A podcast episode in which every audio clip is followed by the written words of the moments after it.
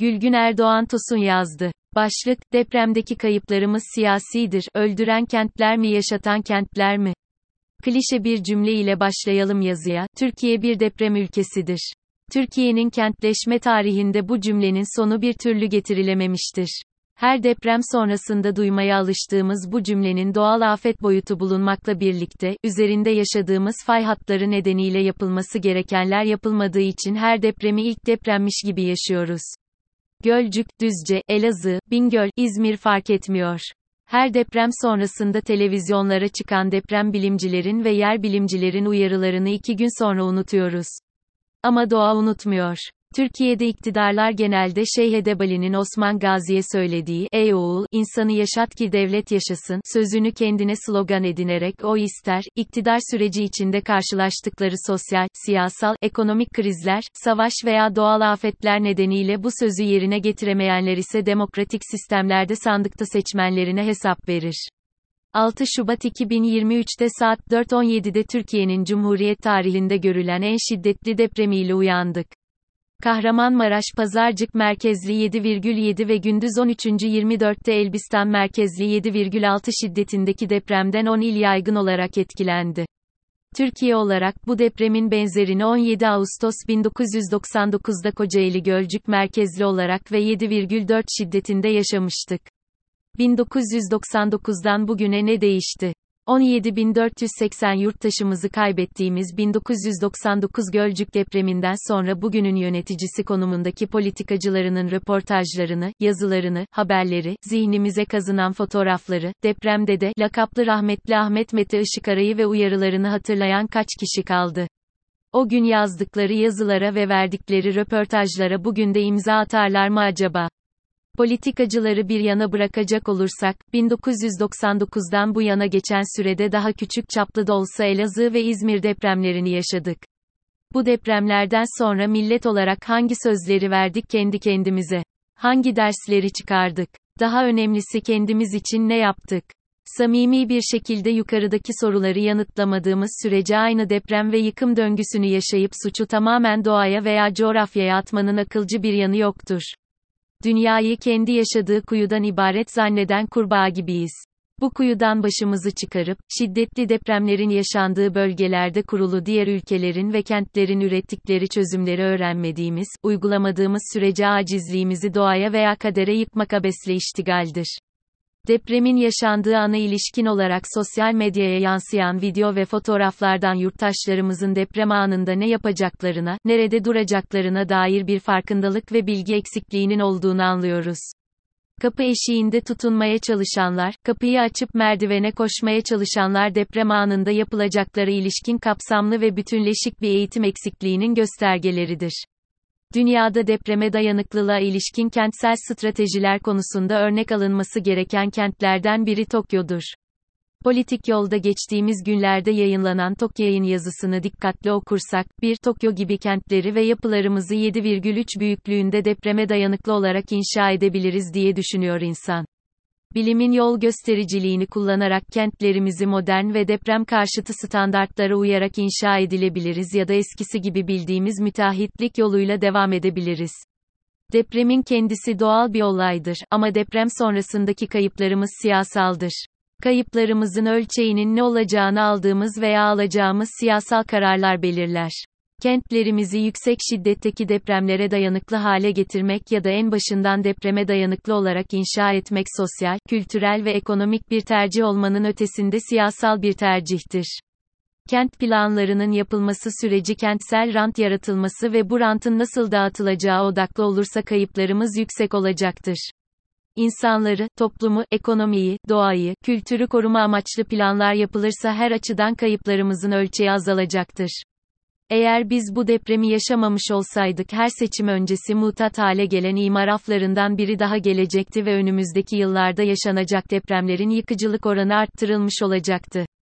Bu nedenle kayıplarımız siyasidir. İktidarların müjde gibi verdiği ve birer helalleşme olarak sunulan imar affı haberlerinin halk tarafından sevinçle karşılanması celladına aşık olan, bilinçsiz bir halkın varlığına işaret ediyor. Nokta. Kentsel alanlarda inşa edilen yapılara verilen imar ve oturma ruhsatları ile bu ruhsatların nasıl ve hangi koşullarla verileceğinin belirlenmesi siyasidir. Ruhsatların alınması sürecinde bağış, rüşvet, kayırmacılık varsa, denetim yoksa denetim yapmayan idarenin de sorumlu olması gerekmez mi? Kanal İstanbul kararı siyasidir. Bir havaalanının kurutulmuş bir nehir yatağına yapılıp yapılmayacağına dair karar siyasidir.